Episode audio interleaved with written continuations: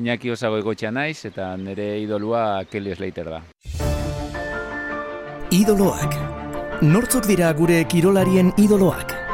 Ze izpilutan islatu dira beren kirol jardueran? Eta beren kirol bizitzan? Idoloak. Euskadi Irratian eta EITB podcasten. Iñaki osago ikoetxea, kaixo, ongi etorri. Eh, Ezker asko. Kelly Slater, aipatu duzu, zure idolo modura. Zer gaitik, Kelly? Ba, beti da nik gustau zaiz surfa eta Kelly Slater egin duen aldaketa mundu, surfeko munduan ba, izugarri izan da eta gaur egun bere adinakine bai kristone ikuskizunak ematitu. Gogoratzen zara, noiztik edo nola hasi zinen e, Kelly Slater jarraitzen? Ba, txikitatik, uste bizitza guztian dakatela presente, ez? E, bai surfian, bai watch ikusten, e, leku guztitan ikusi izan dut, eta beti inditu gauza izugarriak niretzako. Eta noiz hasi zen bilakatzen zu fijatzen zinen pertsona hori Kelly Slater, idolo. Prozesu hori nola izan zen, ze pentsatzen dut, ez, hasiera batean begiratuko zenuen, jarraituko zenuen, eta egun batean konturatuko zinen. Ostras, Kelly Slater, hau, nire idoloa da. Nola izan zen prozesu hori gogoan daukazu? Ba, egi esan ez, e, nik Kelly Slater jarraitzen nuen, e, urte pilotan ez ikusten, da azkenen urteetan ikustet, ez, e, bere ibilbide handi horren ondoren, esan dela, joda, ondek indunak, inditunak eta ingo ditu nagoa indikan, ba, jende oso gutxi egin ditu, ez? Eta ikustia gaur egunek erramaten edala, zate, jode, hau da, nire idolua. Nik Baywatchetik ezagutzen nuen Kelly Slater zuk aurrez, surflari fazeta hori ezagutzen zenuen telebistan ikusi aurretik e, telesail horretan. Bai, beti hauten ginen zai, ez? E, bai, laro gehieta sortzi, laro eta batzi garrengo urtian, haber zarautza etortzen baina seguletan etortzen, da, bueno, bai, bideotan, da, telebistan, da, bai, bai, watchene, bai. Bera bezalakoa izan nahi zenuen, gaztetan, Iñaki Osagoiko etxak Kelly Slater izan nahi zuen? Dudik gabe, ni gaztetan ba, beti surfian ibiltzen ditan, ez? Bai, zestan ibiltzen ditan, e, asko gustatzen zitzaidan zesta, baina surfeak oneukan beste gogo bat, ez? E, lagunakin, e, beste saltza bat ibiltzen genuen, da, e, surflari izan nahi nuen gaztetan, baina gero zestarekin bai maite mindu nintzen eta gaur egun arte. Kelly Slater zer irudikatzen zenuen? Surflari guapo arrakastadun moduan? Ba, bai, bai. Bueno, ez e, guapo eta arrakastaduna, ez, ez gehien bat berez surf estilua, esan. E, Egia esan ge beste puntu guztiak ere baduzka, ez? Baina azkenean surfeko egiteko eratan nola aldatu duen gaur egun arte, ba hori izan da bere puntu infortena. Surfa Iñaki Osagoiko etxari Kelly Slaterren erruz e, gustatzen zaio, edo aurretik zeneukan e, arba da sumaiarra izan da? Aurretik han, ni gazten itzala, ba, beti danik nahi nuen surfeko tabla bat, e, zazpi sortzi o behatzi urtekin gurasoak eta oparitu zidaten bat, eta ordundik hasi nintzen pixkanaka pixkanaka surfian, da gero ba, azte zaba bideoak ikusten, e, zeintzu dian surflari honenak, eta horrela jarraitu nuen. Okerrezpanago, Floridakoa da, Kelly Slater, supuntista modura urte gehienak Miami egin zen dituen, baina Floridan ere jokatu zenuen. Izan zen nuen, Kelly Slater e, aurrez aurre ikusteko aukerarik? E, Floridan ez sekula ez euki aukeraik ez, ba, beha normalien bidaiatzen dauten da, baina bai hona izela bere herrian Coco Beach, bere herrian hona surfian, e, dendetan bere irudiak ikusten da egon naiz eta egia esan oso, oso pozik pasan nuen gara joiek. Bera aurrez aurre beraz, ez duzu, ez duzu izan? E, ikusi izan dut txapelketan e, albo sola, baina ez aurrez aurrez da ezagutzeko aukerarik ez dut izan. Ezagutzeko aukera izango bazenu eta horrela parean, gurain gauden bezala edukiko bazen Kelly Slater, zer esango zenioke? Nauzia iz. Hola, xe, motxian, ez? E, bai, e, zorionak bilbide guztiatik da e, degot, esate jote surf munduan da, bai, egia esan de, degot da labea. Gustatuko litzaizuke, itzurunen, olatu batzuk, Slaterren ondoan hartzea. Izan duzu sekula horrelako ametsik buruan e, zure idoloarekin momenturen bat partekatzeko gogori? Ba, haidu gabe, ez, askotan, ba, bai honea e, osegorra eta mundakan izan dianien txapelketa, esan, e, jode, ba, ber, kasualidades garai baten bezala, ba, Suni Garzia horrura etortzezan, edo beste zurlari batzuk ez, eta esaten, jode, ez da kasualidades hemen digan eroriko jende gutxi biltzen gala hemen, lasai nahiko dula surfeatu, baina ez da tokatu. Argazkirik beraz, zure idoloarekin ez daukazu? Mm, ez, ez daukat, argazkirik. Idoloak izatearen kontua inaki, gaztetako kontua da, zezuk aipatu dituzu ez, larogeiko amarkada gazte garaian fijatu zinen Kelly Slaterrengan, iruditzen zaizu, urten poderioz hori ere galdu egiten dugula, idoloak izateko e, joera hori? Ez, nik asko jarraitzet, ez, e, bai, sare sozialetan, e, txapelketa da honian, e, beha ateratzen bada normalien saioten eiz beretan da ikusteko, e, gustatzen zait beha ikustea eta gaina nahet beak irabaztia, ez, e, ikustea gaina edades aurra dijoala eta gaztien aurka aritze horiek, ba, azkenian, ba, esate, jode, hau deka, tipua, ez, esaten dula, jode, jarraitu dola eta ez erretiratu sekula, niretzat e, bizitza guztien jarraitzia txapelketetan. Baina esan nahi dut, Kelly Slater gaztetatik daukasun idolo bada. Besterik badaukazu, kirolari idolorik edo urten poderioz orain badaukazu erreferenterik? Bai, bueno, kirolarian munduan badaude kirolari on asko ez, baina idolo idolo bezala keli da. Gero beste arlo batzutan bai bai bai dauzkatela beste idolo batzuk bai.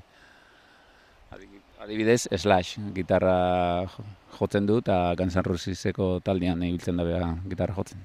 Eta zergaitik, slash? Ba, bai Guns N' Rosesen musika gustatzen zaitelako eta baita ere bere estiloa jotzeko ba, asko gustatzen zait. E, bai Guns N' Roses, Slash, eh, Slash Snake, e, Velvet Revolver, bere talde guztiak asko jarraitu ditut eta asko gustatzen zait.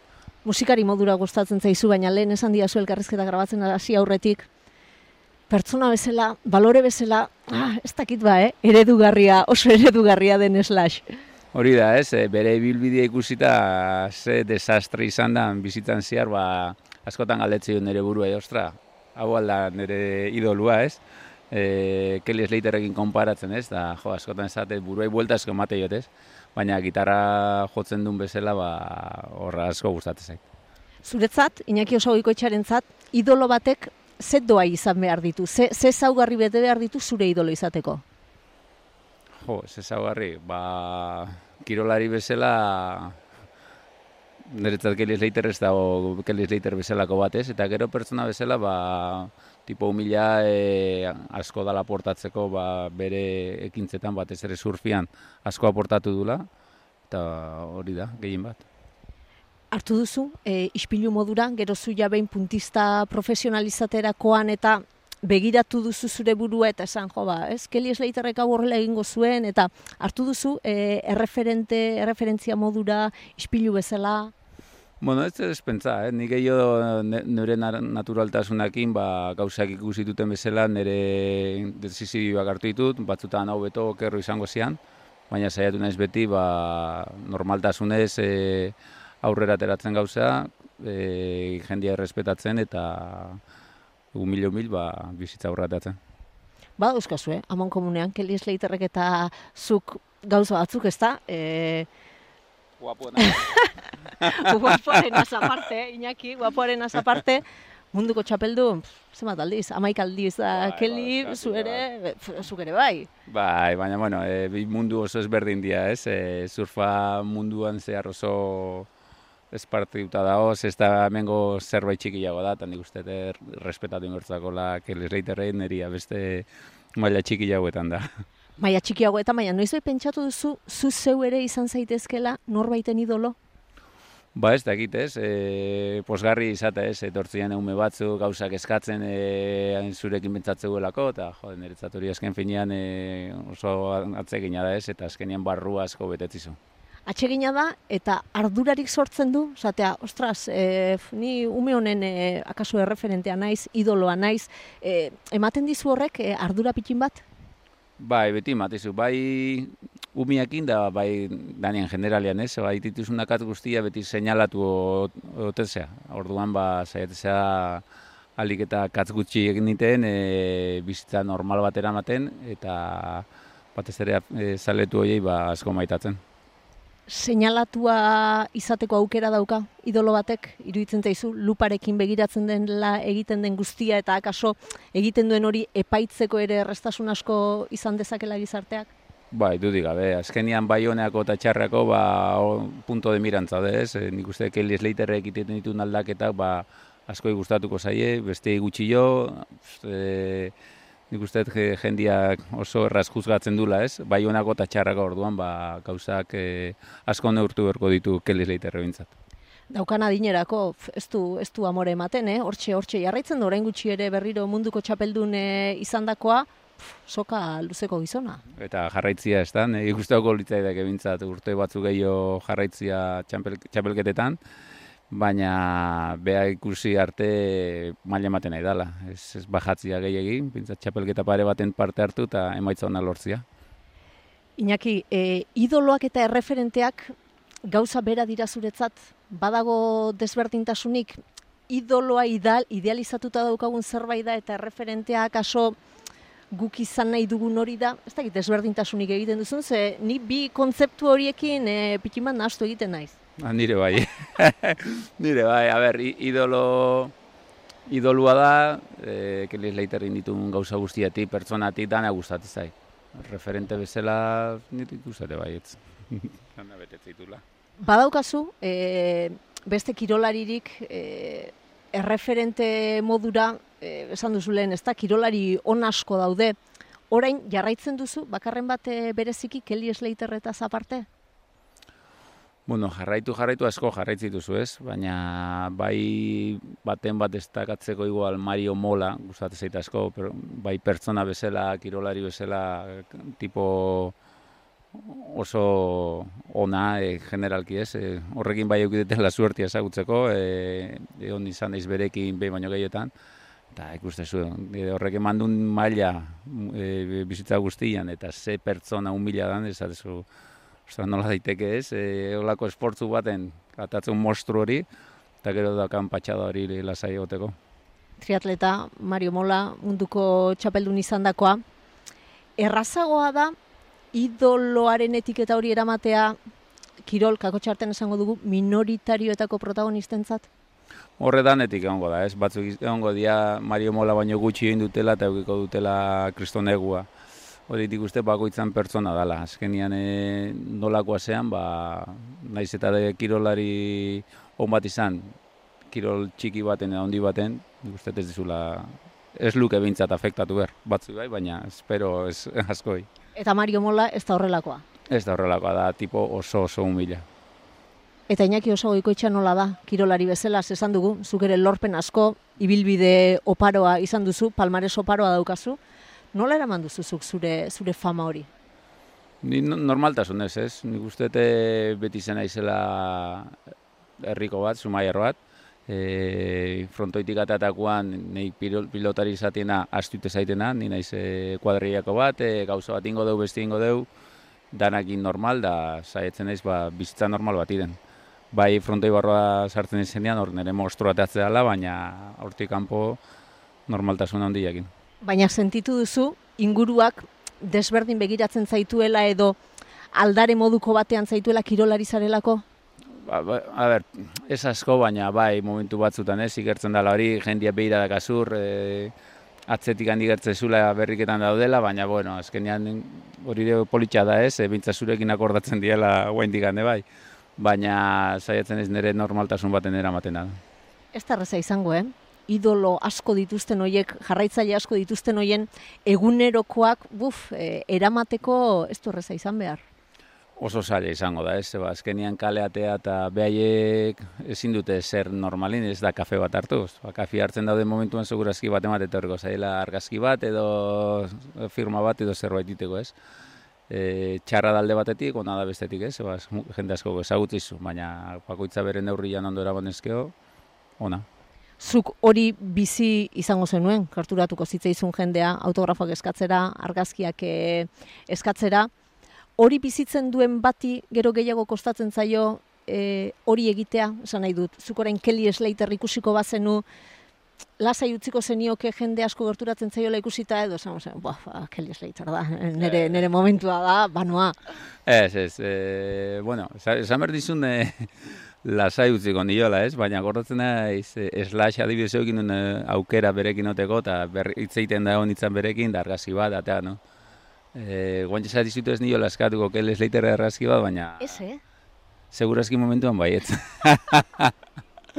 Osan dizut ez, slash izkatu niola, ez? Da, kel slater niretzat gehiago da, ez? E, idolo gehiago, handia bada niretzat. Eta momentuan pagen lautziko nio, baina bertan Slash, esan duzu, e, zure idoloetako bat musikaria, momentu hori nolako izan zen, aurrez aurre egon eta berekin argazki atera eta nolago goratzen duzu, nola suertatu zen hori? Jo, ba, izan zen, e, justu etorri zen Miamiko festival batea, hola gaina zen musika teknoko festival handi bat, eta beak e, ipindizun zare sozialetan e, leku txiki baten jo bertula kontzertu bat, eta esan, ah, ba, ikustan joa. Ba, junitzen, da, e, etzun jo azkenia. Da, beha, zen, beren eskakin hor, da, sarreran, da, esan, jo, ez da, no seke, eta itzitzen da poliki-poliki, eta argazki bat, eta eta hola izan zen, e, momentu oso politxa, eta gero horrengo gunean ikusi nuen, ba, igual, ez dakite, berrogei mila, berrota mar mila pertsonan aurrien jotzen, da, lasai asko. Ze impresio eman zizun, lehen hartu eman horretan, berekin bitz e, partekatzeko aukera izan zenuen horretan? Ba, usten dut nire lehenengo elkarrizketa zurekin baino nervioso, ne, hola. ba, oseak, horrekin pentsatu nahi jaiatu esa momentua. Zugere aurreratu duzu, zugere egin duzu bidea zegoratzen naiz, eh? hasi ginenean zurekin eh, lehen elkarrizketak eta egiten, no, inakiri bit segidan ateratzeko, eh? nire hitzak. Mo, pixka megoratu dut, eh? alare guendik ez naiz asko lusatzen, baina poliki-poliki, guendik handen daukat. Ez zara kasetarien lagun, edabidek eh, ze sortzen dute, inaki osagoiko etxaren gan? Ez gustatzen zait, eta ber, e, azira baten egia esan, ez zila asko egiten, ze ba, guain dikan oso berde neon, e, aldaketa oso askar pasatu zitzaidan, ez? E, e, txian familiak ineotetik, italira jun, hemen txapelketa jokatzen hasi eta orduan elkarrizketak hasi zian, eta ba, nahiko, nahiko aldarbesan itzan hortako. Bueno, gureak behintzat euskera ziren, ze hor badago, ez da, zure irudi bat e, erderazko elkarrizketa batean, hor bai lanak zenituela. lan asko, lan asko, erakutziko izut gero, gainean nahi badezu. Baina bai, bai, ostra, horren dengo ura izan zalanten atrezentzat, oso fuerte izan zan eretzat. Normal, e, hemen zumaien danak euskera ziten genuen, erdera oso gutxi eta oso lotzatuta neon, da presio asko ez, e, afizina mailati derrepente munduko txapelketa bat jokatzen, e, fuerte, fuerte izan zan eretzat hori. Idoloak izatea beharrezkoa da inaki? Ba ez dakit, niretza bai, niretza bai, e, beti daukazu zerbait ikasteko, fijatzea, e, gero erabiltzi dituzu gauza batzuk eta bestiak ez, baina bai, nik uste dute bai e, kirolian da familian bai ez, e, eredu bateiz jarraitzi jozu beti. Eta alegintzen zara zu, zure ondoren goei, balore horiek, e, keldi esleiterrek igo daukazun saletasun hori beste izartzen? Bueno, bai eta ez, ez azte gero bakoitza bere bilbide hartzen du eta beren nortasun hori erakuste ez, hasiera batean bai zaiat zehala pixkate gaztiei ba kokatzen ez, ba, hemendikan juten basea, pixkat nola inberditun gauza, gero ja edade batetik aurra ba, behiek erabakitzeu ez, baina gaztetxua dianean zaiat pixkat. Zerri ematen dio zuzu garrantzia, idoloen kontu hortan? Ni, e, normaltasun bat izatea norbeak. E, zeukitzia arrotasun hori ez, e, jo, nahi nati bestia. Zu bare-bare ibili eta inberrekoa kantxa nien, hemen gu kontuak izango dugu beste gauzetatik, eta kantxa barruan atea zure monstrua handi hori. Monstrua, bueno, ez dugu esango orain zesta punta e, e, goia jotzen ari dela, baina bu, finaki nola egin duen gora, eh, kontuak. Ba, aldaketa bat, ez? Ni uste da azkenen urtetan e, baset horrela pixkanaga pixkanaga goraka, batez ere Gernikako jaialditan eta guain ba azkenengo Winter Seriesakin ba goraka handi bat indu, ez? Ba ber e, Donostian ondo erantzun du da Markina da Aida erantzuten, aber horrela jarraitzen duen eta goraka da txiki hau gorun zuten amintza. Hori da, eta kasu Euskal Herrian ere gero puntistak izango ditugu idolo, zu bazara ja gure idolo, baina ez gazteak atzetik datozenek ere erreferente berri batzuk izango dituzte. Bai, ojala, ez da, e, idolotako bat laizterrateatzia eta guk beha jarraitu, jarraitzu gaukeri izatia. Herrian ikusten duzunean, gaztetxoren bat, e, zesta hartuta, zerbait mugitzen zaizu zuri? Bai, ez da, ni ezate, jo, nire hola sinitzen ez, poliki poliki lagunakin, e, txapelketa gutxi jokatu intun, zeba gazte jonitzen ez, nik ez nuke aukeraik munduko kopaketa jokatzeko afizionatu maila. Nire aukera mantzien da, kanpoa jonitzen, ez da, jo, ba, hauke, aber, daukaten aukerari ni bezala, ba, kanpoa jon eta esperientzia eukitzeko. Naiz da zaila izan kanpoan eukitzia, baina, bueno, bertan salto hori eman eta bertatik bizitzeko aukera. Horrela ikusten duzunean, e, umeko eskor bat ez ez eskuan duela, badukazu, bere gana e, gerturatzeko oiturarik eta zerbait esateko ze normalean ez, zesta puntara joaten denak jakingo du Zumaierra baldin bada nortzaren, e, zu Gotzon, Imanol, hemen e, bazarete hori da, ezagunak zarete, badukazu iturari jun eta mezuren bat, gomendioren bat emateko? Bueno, segun zedadetan, ez, e, gaztetxua ira, zaiat, muñekeran bat, edo ilusio pixkat e, banatzia, zarra guai bai zaiat ezala gehiago, ba, jo, baintzazu horrela, e, mejoratzeko, gaztetxuai mejoratzeko, ba, ordua sartzea da, azkenia.